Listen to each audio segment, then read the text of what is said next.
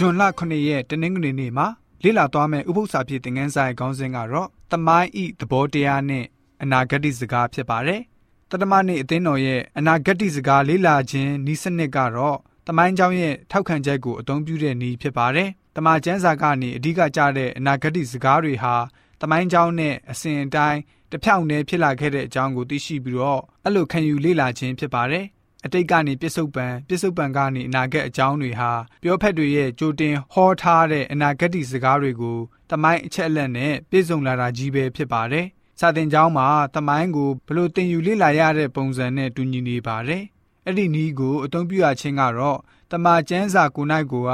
မိမိဖော်ပြထားတဲ့အနာဂတ်စကားကိုပြန်လည်အတိတ်ပဲဖော်နေတဲ့အတွက်ကြောင့်ဖြစ်ပါတယ်။ဒန်လအနာဂတ်ကျန်ခန်းကြီး2အငယ်29ကနေ45ကိုကြည့်လိုက်တဲ့အခါမှာ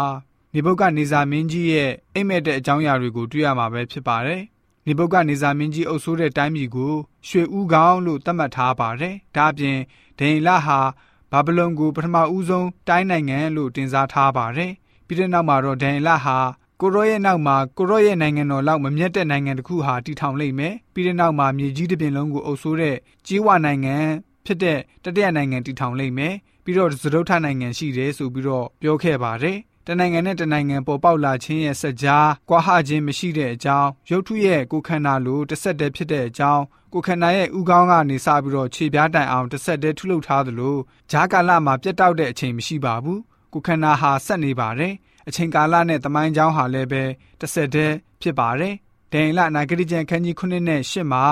ရုပ်ထုကြီးအစားတာရဲတွေနဲ့ပုံဆောင်ဖော်ပြပြန်ပါတယ်။ သို့တော့အဲ့ဓာတွေဟာအတူတူပဲဖြစ်ပါတယ်။အချိန်ကာလဇက်တိုက်တစ်ခုပြီးတစ်ခုဖြစ်တည်လာတဲ့ကမ္ဘာအင်ပါယာကြီး၄ခုပေါ်ပေါက်ခဲ့ပါတယ်။ရှေးခေတ်ကနေစပြီးတော့ရာဇဝင်တလျှောက်ဖြစ်လာပြီးတော့အခုပြစ္ဆုတ်ပံကနေအနာဂတ်ခရစ်တော်ဖျားကြွလာပြီးတော့ထာဝရဖျားရှင်ရဲ့ထာဝရနိုင်ငံတော်တည်ထောင်တဲ့အထိဖြစ်ပါတယ်။ရှမ်းခရစ်ဝင်ခန်းကြီး14အငယ်29ကိုဖတ်ပါမယ်။ထိုအမှုရာရောက်သောအခါသင်တို့သည်ယုံကြည်စေခြင်းက